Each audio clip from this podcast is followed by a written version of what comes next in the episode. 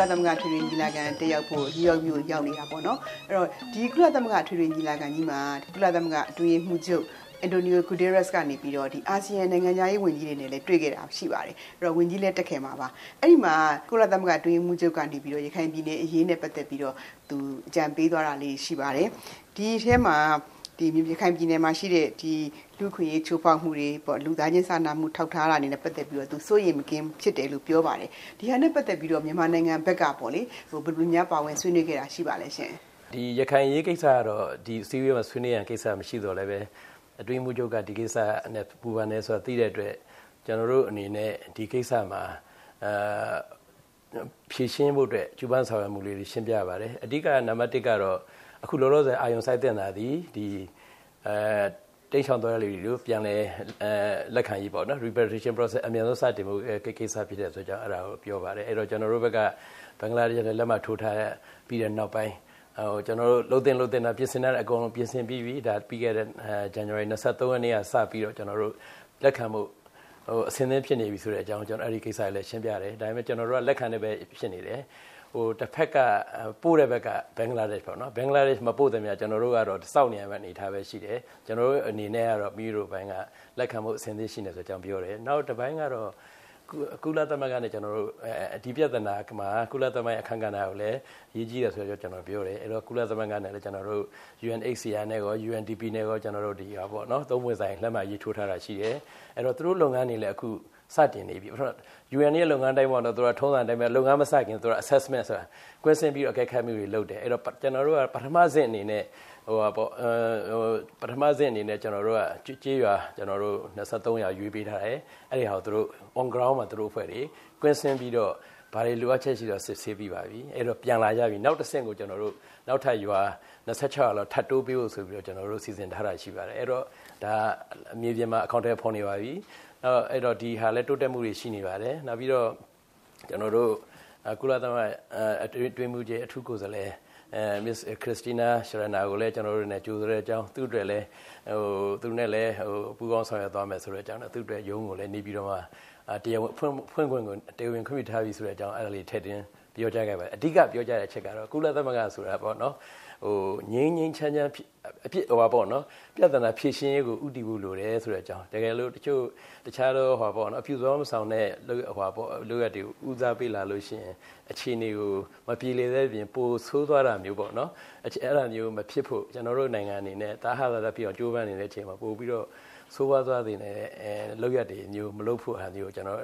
အနေနဲ့ အဲအဲ့ဒါလေးတော့ထည့်သွင်းပြောကြားခဲ့ပါတယ်ကုလသမဂ္ဂ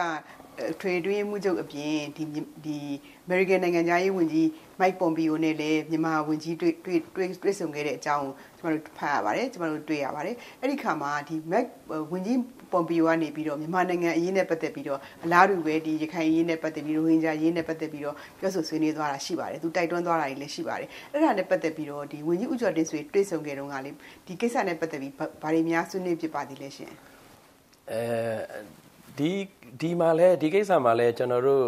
ရခိုင်ပြည်နယ်အရေးကိစ္စနဲ့ပတ်သက်ပြီးတော့ကျွန်တော်တို့ဟို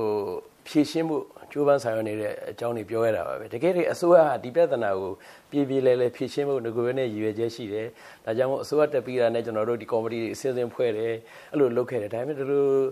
လုံနေတဲ့ကာလမှာဟောပေါ့နော်ဒီဂျပက်တိုက်ခိုက်မှုနှစ်ကြိမ်ဖြစ်ဖြစ်ပွားခဲ့တယ် အဲအဲ့လိုအနေထားတွေကြောင့်ကျွန်တော်တို့ဒါမျိုးတွေအဲကျွန်တော်ကျိုးပန်းဆောင်မှုတွေကိုဖြစ်နေသွားတဲ့အနေအထားမျိုးရှိတယ်အဲ့တော့ကျွန်တော်တို့အနေနဲ့ဒီဟာကိုပြည့်ပြည့်လဲလဲဖြည့်ပြီးကျွန်တော်အသိရှိတယ်နောက်ပြီးတော့ကျွန်တော်အဓိကတော့သူတို့ဟိုတော်များစိတ်ဝင်စားနေကြတဲ့ဒီ accountability ဆိုရပေါ့နော်တာဝန်ခံမှု issue နဲ့ပတ်သက်ပြီးတော့ကျွန်တော်တို့ပြည်တွင်းမှာပြည်တွင်း initiative နဲ့ဖွဲ့စည်းထားတဲ့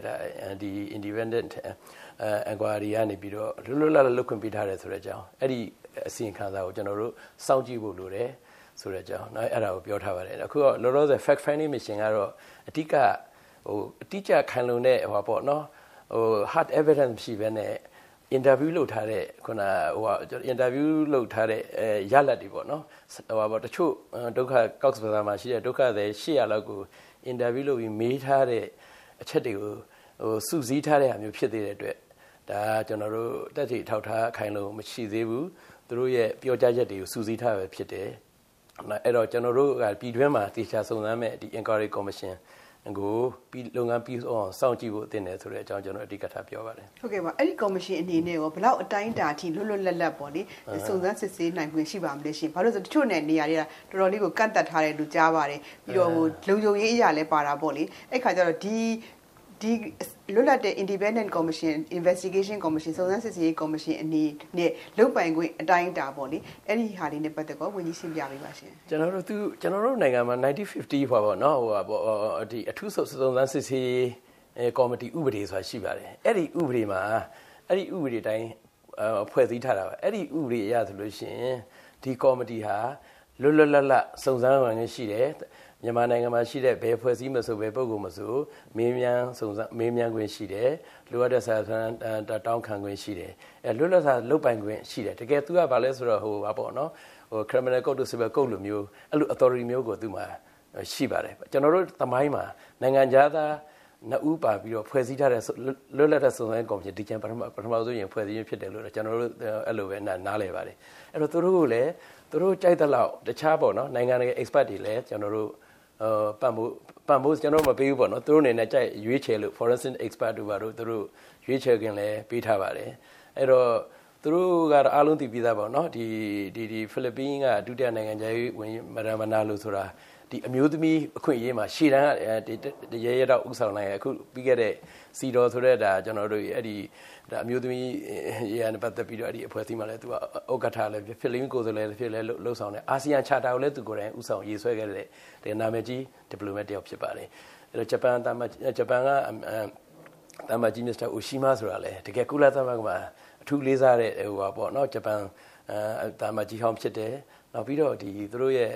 အိုချာဆိုတဲ့ဒီဟိုဟာနော်ဒီကုလသမဂ္ဂကုလသမဂ္ဂရဲ့လက်ထောက်အတွင်းမှုကြောင့်လည်းဖြစ်တယ်သူတို့ကလည်းဒီမမကန်ကန်စစ်ဆွေးမှာပါကျွန်တော်ကျွန်တော်မြန်မာအာအဖွဲ့ဝင်တို့ကလည်း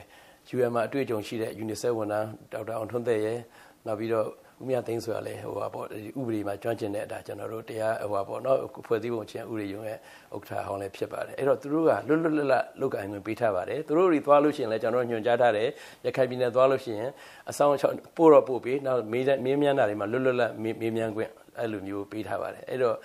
သူတို့ကာကွယ်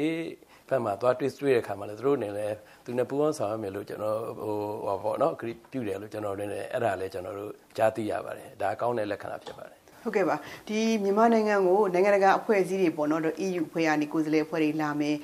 ဒီ American ကလာမယ်ရှိသမျှဒီကုလသမဂ္ဂကလာမယ်ရှိသမျှအဖွဲ့အစည်းတွေလာတိုင်းလာတိုင်းမှာဒီရခိုင်ပြည်နယ်ကိုလေ့လာတဲ့လူတွေရှိပါတယ်ရခိုင်ပြည်နယ်မှာဥပမာဒေါက်တာဝင်းမြတ်အေးတို့အဖွဲ့ဆိုလို့ရှိရင်ဟိုမြေပြင်မှာပေါ့သူတို့ဘာတွေပြင်ဆင်ထားရဲဆိုတာတွေလိုက်ပြပါတယ်ကြာကြာနာနာပဲဒီ ဒုက္ခတွေပြန်လာရင်ဘယ်လိုနေရာဒီ reception ဟိုသူတို့တွေခိတ္တယာယီတဲခုမက်စခန်းတွေလိုက်ပြပါတယ်ဒါပေမဲ့ဘလို့ပဲပြပြပြပြမမပြည်ကနေပြန်သွားတာနဲ့တပြိုင်နက်ဟာဒုက္ခတွေလက်ခံဖို့မြန်မာနိုင်ငံကတော့စဉ်းသင့်မဖြစ်သေးဘူးဆိုပြီးတော့ပဲဝေဖန်နေတဲ့အတန်တွေပဲကြားနေရပါတယ်အဲ့ဒါဘလို့များဖြစ်လို့ပါလဲရှင်အဲ့ဒါတော့သူတို့ရှုမြင်တဲ့အမြင်ပေါ့နော်ကျွန်တော်တို့ကတော့အခုလက်ခံရေးစခန်းတစ်ခုပေါ့နော်ရေလန်းလာကုန်းလန်းလာတစ်ခုဒါကျွန်တော်တို့ဟိုနိုင်ငံဘ င်္ဂလားဒေ့ရှ်မြန်မာသတော်ကြီးထားပါတယ်အဲကျွန်တော်တို့ reception ကတခုထားမယ်အမစစ်ဆေးဖို့တဲ့ကွန်ပျူတာတွေ ID ကတ်တွေထုတ်ပေးဖို့အစင်းလုပ်ထားပြီးသားနောက်ဒီဘက်က transit ကဏ္ဍလှဖို့ကောင်ဆိုတာ transit center လူပေါင်း3000လောက်ထိ accommodate လုပ်နိုင်တယ် အဲ့တော့ကျွန်တော်တို့ကတော့သူတို့ပြန်လာရင်ဒီဒီအဲဒီမှာစစ်ဆေးမယ်အဲ့ဒီမှာခဏတက်ခွင်တက်ခုပြီးရင်သူတို့သူတို့မိမိရွာမှာမိမိကြိုက်တယ်လို့အိမ်တွေပဲစောက်ဖို့တဲ့ပတ်ပတ်မိုးပတ်မိုးပေးမယ်ပေါ့နော် cash for work program နဲ့အဲ့လိုမျိုးပြောထားတယ်အဲ့တော့သူတို့ကတော့ဒီဟာနဲ့ပတ်သက်ပြီးတော့အစင်သင့်မဖြစ်သေးဘူးဆိုတဲ့ဟာသူတို့ကတော့ဘယ်ပီတာနဲ့တိုင်းတယ်လို့မသိဘူးเนาะကျွန်တော်တို့ကတော့ပြောထားကျွန်တော်တို့စစ်ပြီးတော့ပေးထားလူ၄000ကျော်လောက်ပေးထားပြီးပေါ့ရခိုင်မှာနေတာဆိုနေတယ်ဆိုတာအသက်တွေထိုင်ခိုင်လုံတဲ့လူတွေပေါ့နော်အဲ့၄000ကျော်ပေးထားတယ် မနေ့ပြန်ပို့မယ်ဆိုကျွန်တော်မနေ့ပြန်လာပါပဲနော်စစ်ဆေးပြီးတော့အမကက်မှထားမယ်နော်ရွာမှာအိတ်သူတို့အိမ်ဆောက်တယ်ဆိုတာလေအလွန်ဆုံးတစ်လပေါ့တစ်လနှစ်လအမဆောက်ပြီးရင်သူတို့အဲ့ဒီပြောင်းရွှေ့မှာကက်မှအမြန်နဲ့ထားအောင်ပေါ့အဲ့တော့သူတို့ကတော့ဟိုအစင်းသိမဖြစ်သေးဘူးဆိုတာကျွန်တော်ထင်တာကတော့ဒီဟာနဲ့ပတ်သက်ပြီးတော့အဲသူတို့ကလုံခြုံရေးဘက်ကိုလည်းအလေးထားပြောကြတယ်ဒီလူတွေဟာဒီမှာတသက်လုံးဒီအဖွဲ့တွေဟိုအတူတူနေနေထိုင်လာကြတာပေါ့နော်လုံခြုံရေးဆိုတဲ့အခါမှာသူတို့ကတော့ သူတို့စိုးရိမ်တဲ့ဒီဒီ community ကလူတွေကလုံခြုံရေးပဲဆိုပြီးကျွန်တော်တို့ကြတော့ခေါင်းဆောင်အစိုးရဘန်းကြတော့ဒေသခံတွေရဲ့လုံခြုံရေးကိုလည်းကျွန်တော်စဉ်းစားရပါတယ်လုံခြုံရေးဆိုတဲ့နေရာဒါပေမဲ့လို့ကျွန်တော်တို့အနေနဲ့ဟိုလုံခြုံရေးနဲ့ပတ်သက်လို့လည်းဟိုဘယ်အစိုးရမှာ100%တော့ guarantee မလုံးနိုင်ဘူးဘယ်နေရာမှာဆိုတော့ American မှာတော့ World Trade Center ခုနပြိုကွဲသွားမှဖြစ်သွားတာပေါ့နော်အဲ့တော့ကျွန်တော်တို့ချိန်မှာ ဘယ်နိုင်ငံမှ100%တော့ guarantee တော့မပေးနိုင်ဘူးဒါပေမဲ့ကျွန်တော်တို့အနေနဲ့တရားဥပဒေစိုးမိုးမြင့်တင်ရေးအတွက်လည်းလုပ်နေပါတယ်နောက်ပြီးတော့ UNDP နဲ့ UN တို့ team တွေကလည်းဒီစစ်တွေတို့မောင်းတော့လုပ်ငန်းခွင့်ပေးနေတယ်ပေါ့အဲသူတို့လုတ်လုတ်ကန်ခွင့်တွေပေးထားတယ်အဲ့တော့ဟိုပေါ့တတ်ပါတီလည်းဒီမှာရှိရှိနေတယ်ကျွန်တော်အနေနဲ့ကတော့သူတို့လာရင်ဟိုချက်နေရချထားပြီးအစင်းသိရှိလို့ယူဆပါတယ်သူတို့ကဘာဖြစ်လို့အဲ့လိုသုံးတတ်တယ်ဆိုတော့တခြားနိုင်ငံရေးအဖိအားပေးခြင်းတဲ့အကြောင်းရင်းလည်းပါမယ်လို့ကျွန်တော်စိတ်ထဲမှာအဲ့လိုတွက်ဆမိပါတယ် တိုးတက်မှုမရှိဘူးဆိုမှဒီဘက်မှာဖိအားပြင်းပြင်းထန်ထန်ပေးလို့ရမယ်လို့ကျွန်တော်အဲ့လိုသုံးသပ်ပါတယ်ဟုတ်ကဲ့ပါအခုဒီဟိုကွယ်လွန်သွားပြီဖြစ်တဲ့ဒီကုလသမဂ္ဂအတွင်းမှုချုပ်အောင်ကိုဖီအာနန်ကော်မရှင်ဒီအကြံပေးကော်မရှင်ကနေပြီးတော့ထောက်ခံအကြံပြုထားတဲ့88ချက်ထဲမှာ81ချက်အကောင့်ထဲပေါ်ပြီးပြီလို့ဒီမှာအစိုးရကပြောထားတာရှိပါတယ်ဒါပေမဲ့လည်းဒီပြီးခဲ့တဲ့ဟိုအစည်းအဝေးတစ်ခုမှာပေါ့နော်ဒီ American တမ်မကြီးကုလသမဂ္ဂဆိုင်ရာ American တမ်မကြီး Nikki Haley ကနေပြီးတော့81ချက်အကောင့်ထဲပေါ်ပြီးပြီဆိုပေမဲ့ဘာမှပေါ့လေဒီဟို ဆုပ်ဆုပ်ပိုင်ပိုင်ပေါ့နော်ဟိုဒီကြကြနာနာလှုပ်ထားတာမရှိဘူးဆိုပြီးသူကဝေဖန်သွားတာကြားရပါတယ်အဲ့ဒါနဲ့ပတ်သက်လို့ရောနောက်ပြီးတော့ဒီကြံနေတဲ့ဒီအချက်တွေရောဘလို့ဖြစ်လို့ခက်ခဲတွေများရှိနေလို့ပါလားရှင်ဆက်ပြီးတော့အကောင့်တွေပေါ်လို့မရသေးတာကျွန်တော်ထင်တာကတော့ဟိုဟာပေါ့နော်ဟိုအမေရိကန်အများအားကိုယ်စားလှယ်နီကီဟီလီကပြောတာ on ground မှာတိုးတက်မှုမရှိဘူးဆိုတာသူတိုင်းတဲ့ပေတာမှာမူတည်ပါတယ်သူတိုင်းတဲ့ပေတာကကျွန်တော်ထင်တာတော့ဟိုဘက်ရောက်နေတဲ့လူ6 6000ကျော်9000လောက်က ဒီဘက်ကိုမရွေသေးတာကိုသူတိုင်းတိုင်းတာလို့ကျွန်တော်တို့ထင်ပါတယ်ဒါအဲ့ဒီအဲ့ဒီပေတဲ့တိုင်းတာတော့မှားပါမှန်း repatriation ကဘင်္ဂလားဒေ့ရှ်ကမစသေးပါတဲ့ဒီဘက်မှာကျွန်တော်တို့တိုးတက်မှုဆိုတဲ့ဟာခုနဟိုလက်ခံရေးစခန်းတွေစောက်တာတွေနောက်ပြီးတော့ဟောပေါ့နော်ဒီကျွန်တော်တို့ဘက်မှာ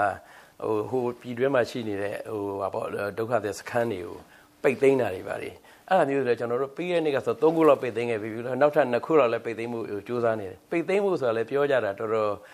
ဘာသာကပြဿနာဟိုလက်ညှိုးထိုးပြတာလွယ်တယ်ပေါ့နော် solution တော့ဘယ်သူမှမပေးဘူးနော်ပြဿနာဘယ်လိုဖြေရှင်းရမလဲဆိုတာတော်တော်လေးလေးဟိုပါတိမ်တိမ်မှုနည်းနည်းနည်းနည်းဟိုရခိုင် community နေလည်းသဘောကျရတယ်ကမ်နေရလေပဲသဘောအဲ့လိုနေရာတိုင်မင်းကြီးတိုင်းမှာလောက်ရတာပါအဲ့တော့ကျွန်တော်တို့ကအဲ့လိုမျိုးကမ်မျိုး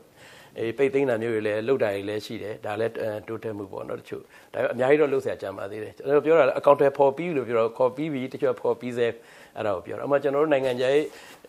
ဝန်ကြီးဌာနဆိုဘာတာဝန်ကြလဲဆိုတော့ဘင်္ဂလားဒေ့ရှ်နဲ့ထိတွေ့မှုတွေပြုလုပ်ဖို့အာဆီယံတွေကို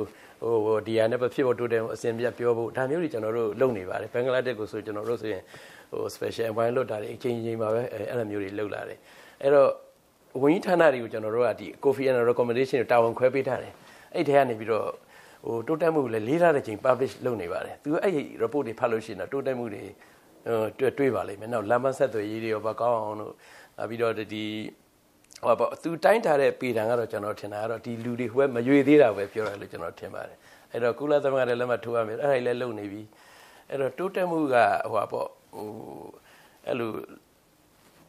refugees တွေဒီဘက်ရွေးတာနဲ့တိုင်းတာတယ်ဆိုရင်တော့ဒါသူတို့မတည်တဲ့သူတို့ဒါပေမဲ့လို့အခုလောလောဆယ်ကျွန်တော်တို့ဘက်က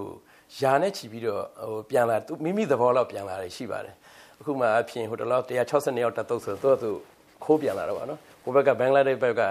ကက်မကပေးမပြန်ဘူးသူခိုးပြီးပြန်လာတဲ့လူတွေကျွန်တော်တို့ဒီဘက်မှာအဲ့လူတွေကိုကပ်ပြားလိုက်စစ်စစ်ပြီးတော့ကပ်ပဲသူသူသူ့နေရာနဲ့သူပြန်ချထားပြီးတော့တခါတင်လေတစည်းပြက်ပြီးရောက်လာတယ်အဲ့လူတွေလည်းသူ့နေရာသူပြန်လဲနေရာချထားပြီးဖြစ်ပါတယ်